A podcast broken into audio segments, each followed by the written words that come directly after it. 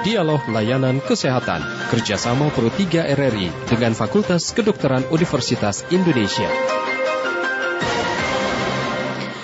Pendengar dengan topik kita pagi ini di dialog layanan kesehatan terkait dengan flat foot pendengar ya. Nah ini e, berasal informasi yang kami peroleh flat foot atau disebut dengan flat feet ini merupakan e, gangguan begitu ya, di mana telapak kaki rata atau datar dan kondisi ini ternyata bisa terjadi baik pada anak-anak maupun orang dewasa. Nah sebenarnya e, apa sih e, yang bisa membahayakan jika seseorang ini uh, terkena mempunyai flat foot begitu ya terdapat uh, kondisi flat foot atau flat feet ini pendengar. Uh, bagaimana menanganinya? Kini kita akan bahas bersama dengan dokter Isan Usman dokter spesialis ortopedi yang saat ini sudah bersama kami pendengar ya. Selamat pagi dokter Isan pagi Mbak Karolin. Apa kabar dok Alhamdulillah sehat. Sehat ya dok. Ini uh, flat foot dok ya. Uh, mungkin sebelumnya bisa disampaikan dulu agar uh, pendengar kita lebih uh, mengenal lagi ya istilah flat foot ini dengan penjelasannya seperti apa nih dok. Baik, terima kasih Mbak Caroline. Selamat pagi kepada semua pendengar RRI Pro 2.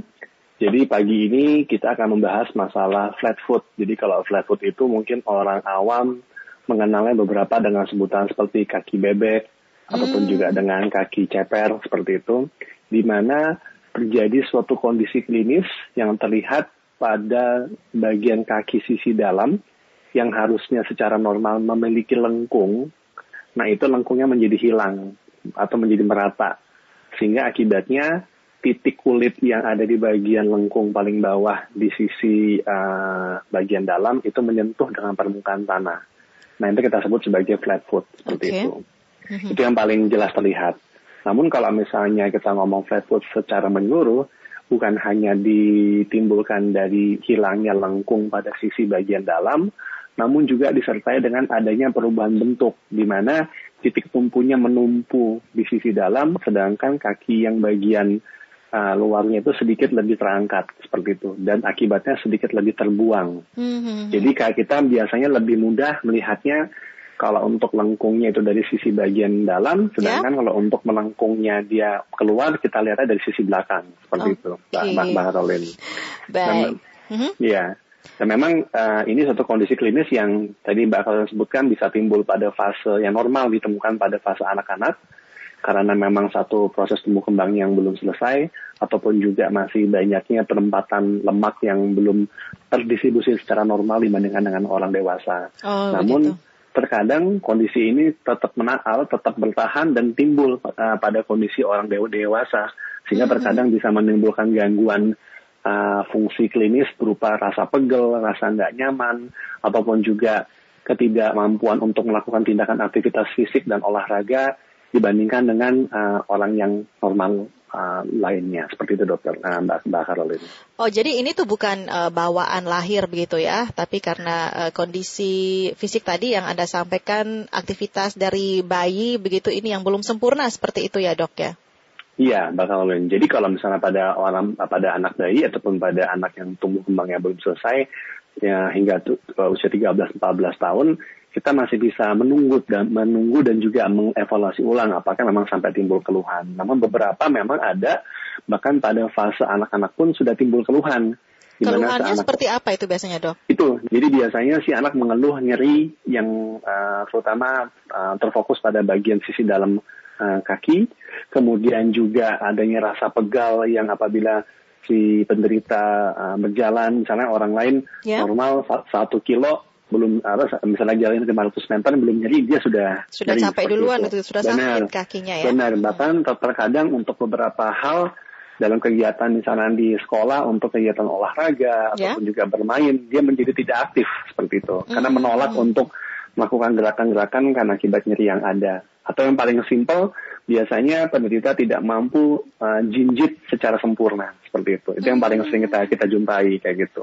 Nah, itu keluhan sakitnya hanya di bagian kaki saja atau ada di bagian tubuh lainnya, Dok, biasanya? Biasanya kalau misalnya dengan flat foot nyerinya bisa timbul di, di kaki bagian dalam dan juga juga sampai melebar ke bagian pergelangan kaki seperti itu Mbak Kalolin. Hmm, tapi tetap nah, di daerah kaki ya? Benar, seperti itu. Dan itu bisa mengenai baik um, satu kaki ataupun dua kaki. Walaupun memang paling sering mengenai dua kaki dengan derajat keparahan yang masing-masing berbeda antara kaki satu dan kaki yang lainnya. Oke. Okay. Tapi sebenarnya apa sih yang menyebabkan flat foot ini nih dok? Uh, walaupun ini umum terjadi begitu ya, kasusnya Baik. banyak ditemukan seperti itu. Sebenarnya secara medis terjadi flat foot itu karena uh, terjadi ketimpangan daripada fungsi otot yang ada di sisi medial dengan yang di sisi daripada yang sisi bagian luar. Di mana kita sebut dengan namanya otot tibialis posterior. Nah, tibialis posterior ini dia fungsinya harusnya dia membentuk kaki untuk melengkung secara netral seimbang dengan yang bagian sisi luar. Nah, ketika fungsi otot ini menjadi menurun atau yeah. kolaps sehingga akibatnya otot yang di sisi luar menjadi lebih dominan sehingga hmm. akibatnya kaki tertarik ke bagian luar seperti itu. Dan yang lain adalah juga karena akibat daripada lemahnya namanya kita sebut sebagai spring ligament yaitu suatu jaringan penghubung yang ada di bagian tumit bagian sisi dalam yang dia kalau hilang itu biasanya lengkung kakinya benar-benar hilang seperti itu. Oke. Okay. gitu, Mbak. Jadi memang ada fungsinya ya kalau kaki kita ini ada lengkungan seperti itu ya di telapak ya, Dok ya. Benar. Bukan tanpa alasan. Iya, karena sebenarnya kaki kita diciptakan sama Yang Maha Kuasa itu dengan proses suatu keseimbangan antar otot namanya otot ekstrinsik dan otot intrinsik dan juga otot bagian dalam dan bagian luar. Nah, ketika yang bagian dalamnya kolaps, ya? lah inilah yang terjadi kita sebut sebagai flat foot seperti itu, Mbak Caroline. Oke, jadi tumpuannya juga terganggu nanti begitu Benar, ya. Benar, Caroline. Ya. Nah, uh, kan biasanya kalau dalam uh, satu penyakit begitu ya, biasanya ada tadi ya penyebab kita sudah tahu begitu ya. Uh, ini ada faktor resikonya juga nggak nih dok kalau untuk flat foot ini? Faktor resikonya satu biasanya ini timbul pada uh, orang-orang yang juga memiliki permasalahan dengan obesitas, walaupun oh, juga iya. juga juga banyak yang mm -hmm. tidak yang tidak mengalami obesitas, dan kemudian juga biasanya tinggi pada kasus di mana uh, orang yang juga memiliki uh, suatu ke, ke, ke, kekencangan daripada otot betisnya yang terlalu uh, apa dominan dibandingkan yang tempat yeah. lain seperti itu. Dan biasanya uh, apa namanya kalau faktor risiko untuk jangka pendek biasanya kalau misalnya kaki flat footnya masih fleksibel itu masih bisa diatasi dengan cara penggunaan pemasangan insole sepatu gitu loh mm-hmm. ataupun juga mm-hmm. dengan modifikasi sepatu. Namun terkadang untuk jangka panjang kalau misalnya sampai nanti usianya makin tua segala macam itu bisa menimbulkan yang kita sebut sebagai namanya secondary osteoarthritis atau radang sendi karena titik tumpu pada kakinya sendiri menjadi tidak uh, apa namanya tidak simetrik sehingga akibatnya menyebabkan terjadinya radang sendi yang sering kali nanti sering uh, mengeluh tuh kadang-kadang datang ke saya dalam usia sudah cukup lanjut 60-50 tahun karena bawaan kaki flat sejak awal Nah, baru ketika usia di atas 50 tuh biasanya yeah. mereka mulai mulai komplain dan memang ini banyaknya memang dijumpai angkanya lebih banyak pada populasi wanita dibandingkan dengan pria seperti itu. Oh gitu. Itu kenapa yeah. tuh uh, ada kajian atau analisa yang dilakukan kenapa lebih banyak pada wanita daripada pada pria tuh, Dok?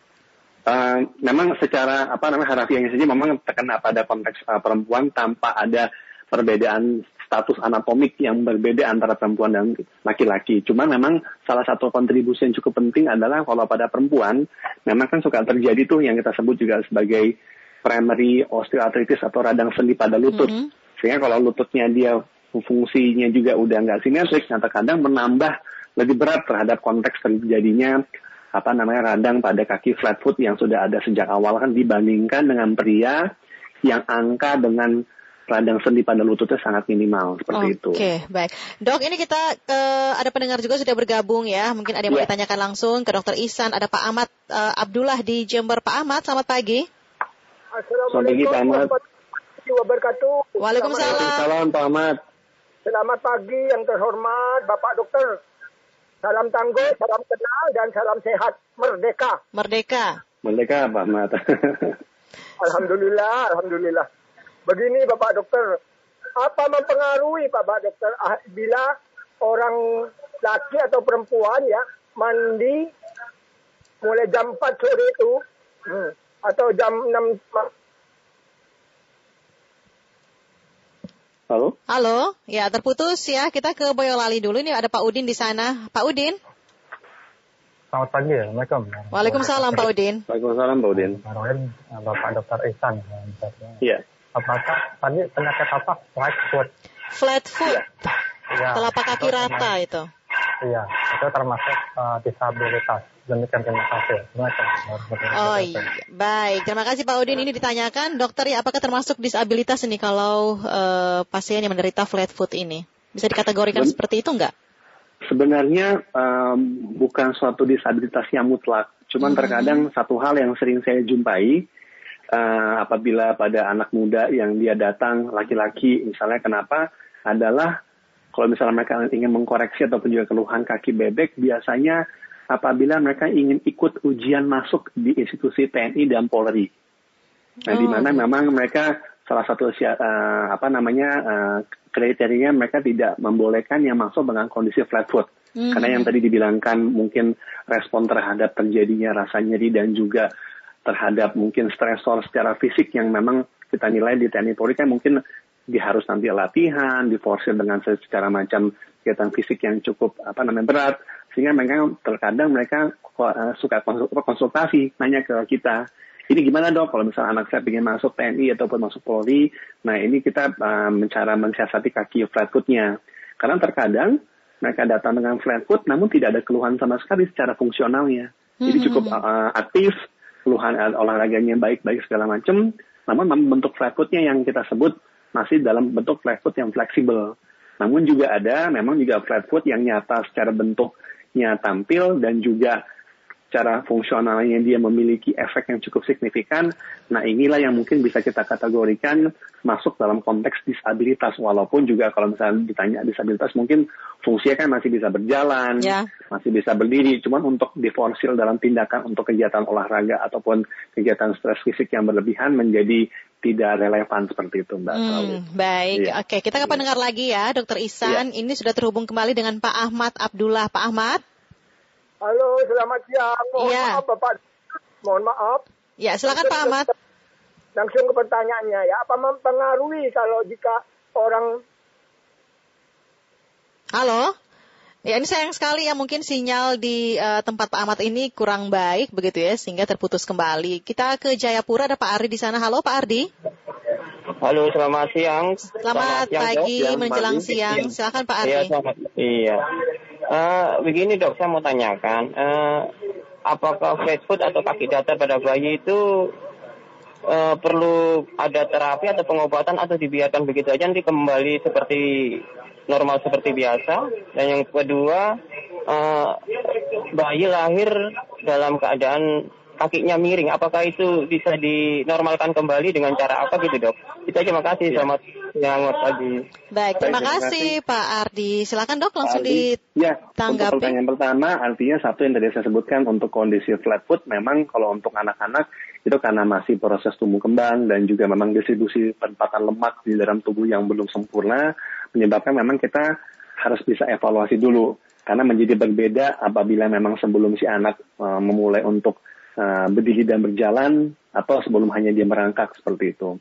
Nah, dalam konteks itu sebaiknya kita awasi saja apabila si anak walaupun dengan tampilan yang belum sempurna namun tidak menunjukkan gangguan secara tumbuh kembang maupun dia dalam proses berdiri dan berjalannya, Mhm. kita bisa kita bisa kategorikan dalam proses varian yang cukup normal seperti itu. Nah, sedangkan Oke. untuk yang pertanyaan kedua, mungkin yang disebut sebagai kaki bengkok itu adalah namanya clubfoot. Nah, kalau clubfoot itu perbedaannya cukup ber- apa, berbeda dengan flatfoot, di mana memang clubfoot itu sudah sudah ada timbul keluhannya pada saat bayi pertama lahir su- sudah ada terkadang beberapa Hmm, uh, ya. bayi. Jadi memang dengan kondisi ini kita bisa langsung koreksi dengan baik dengan menggunakan namanya eh, secara berkala penggantian daripada pemasangan casting atau gips seminggu sekali sampai nanti kira kurang lebih antara 6 hingga 7 peng- penggantian diharapkan bisa mengembalikan posisi yang tadi kaki bengkok menjadi lurus.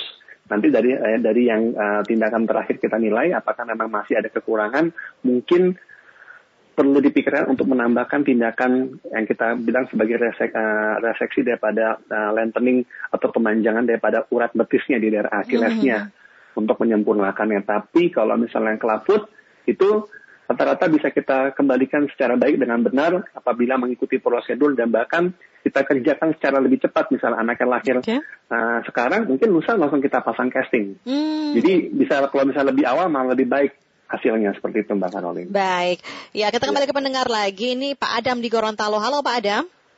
Halo, Assalamualaikum warahmatullahi wabarakatuh. Waalaikumsalam Pak Adam. Salam Pak Adam.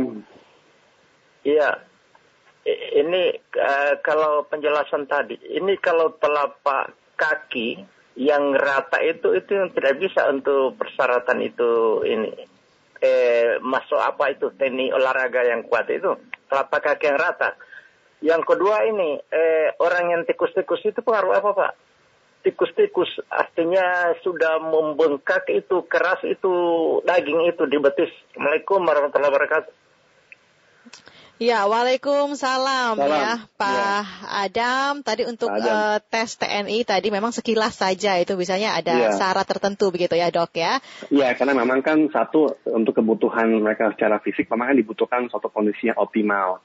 Nah, memang ter- terkadang mereka butuh surat tambahan untuk eh, pemeriksaan lebih lanjut apakah memang yang tadi kita buktikan walaupun secara bentuk klinisnya dia ada namun pada sorry dalam bentuk anatomisnya memang kelihatan dia kakinya flat foot namun secara eh, apa namanya eh, fungsinya dia cukup baik itu yang harus kita bisa jelaskan. Nah, artinya kan teman kan ter- ter- terkadang kalau di dicek dia juga ada yang memang secara bentuk dan klinis memang sudah timbul uh, keluhan seperti nyeri dan rasa pegal seperti itu buat berjalan. Nah, itu harus kita coba telaah dan mungkin bisa kita ekspor sebelum nanti misalnya yang bersangkutan mau mencoba untuk mendata seperti itu lebih lebih lanjut. Baik. Terus kedua, Mhm. kalau untuk yang saya kurang begitu paham masalah Iya. Eh, kalau justru tadi mungkin kalau tadi yang dibilang masalah untuk yang rasa apa namanya eh, yang tadi berhubungan dengan rasa eh, nyeri eh, apa eh, kemang dan juga eh, ketat di daerah betis itu yang saya bilang tadi akibat daripada konsep otot daripada tendon Achillesnya yang dia memang eh, bermasalah tightness. Nah, sehingga dalam konteks dia flat foot angka penderita flat foot itu tinggi sekali dia angka populasi dengan juga disertai dengan adanya gangguan daripada keketatan otot Achilles di daerah betis seperti itu Mbak Oke, Salome. baik dok. Mungkin ini yang terakhir juga ya, apa Iya, yang harus iya. diperhatikan oleh eh, masyarakat begitu kita ketika mendapati ya ge- gejala bahwa kakinya ini adalah telapak eh, yang memiliki telapak rata seperti itu. Apakah harus eh, segera ke dokter untuk ditangani selanjutnya dan penanganannya seperti apa ini secara singkat nih? Eh, Boleh diinformasikan dok, silahkan. Baik, terima kasih Mbak Caroline. Jadi secara normal memang kaki itu memiliki tiga varian. Satu adalah kaki varian normal, kedua adalah kaki dengan eh, varian yang lengkungnya terlalu tinggi, kita sebut sebagai high arch atau high calves, dan yang berikutnya adalah yang sama sekali tidak ada, yang kita sebut sebagai flat foot. Nah, tiga-tiganya, walaupun dalam bentuk ada yang berbeda secara bentuk anatominya, namun belum tentu menimbulkan gejala klinis. Hmm. Nah, ini yang harus kita pahami dulu. Satu, jangan panik. Kedua, kita harus uh, telah dulu sampai semana nih dia derajat uh, keparahannya. Apakah masuk dalam konteks dia ringan, Ya. sedang, atau berat seperti itu. Dan juga kita kategorikan, walaupun ringan, sedang, berat, dan juga dari faktor usianya. Mhm. Apakah usianya dalam anak-anak, muda, atau pada orang tua. Karena dalam segi hal ringannya orang tua sama ringannya anak muda pasti berbeda. Dan juga setelah kita bisa tentukan ringan, sedang, berat, dan berdasarkan faktor usia tadi, nanti kita bisa mengeluarkan satu algoritma. Jadi di mana satu, apakah memang kita bisa mulai dulu dari uh, modifikasi pemasangan sepatu, kemudian juga modifikasi perubahan gaya hidup, sampai nanti pada uh, tahapan berikutnya apakah Ya. memang sudah sampai timbul keluhan secara nyata, di mana memang membutuhkan intervensi pembedahan yang bisa kita kerjakan untuk kita mengkoreksi bentuk kaki yang tadi flat foot hingga mendekati sempurna, sehingga harapannya uh, si penderita bisa kembali beraktivitas mendekati yang normal. Seperti itu Mbak Karol. Baik, dokter. Terima kasih ya dok ya untuk informasinya Sama-sama, ini. Mbak Caroline. Semoga bermanfaat untuk seluruh pendengar kita, pendengar program tiga yang eh, sedang menyimak kita pagi ini. Salam sehat selalu ya dok ya. Selamat bertugas Ya. kembali. Selamat pagi. Terima kasih Mbak Caroline. Pagi Mbak Caroline.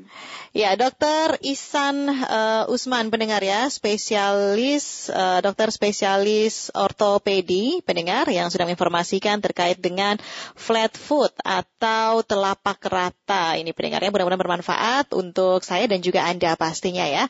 Dan nantikan juga informasi lainnya sesaat lagi. Warta berita di pukul 10 akan kami hadirkan di Indonesia Menyapa Pagi.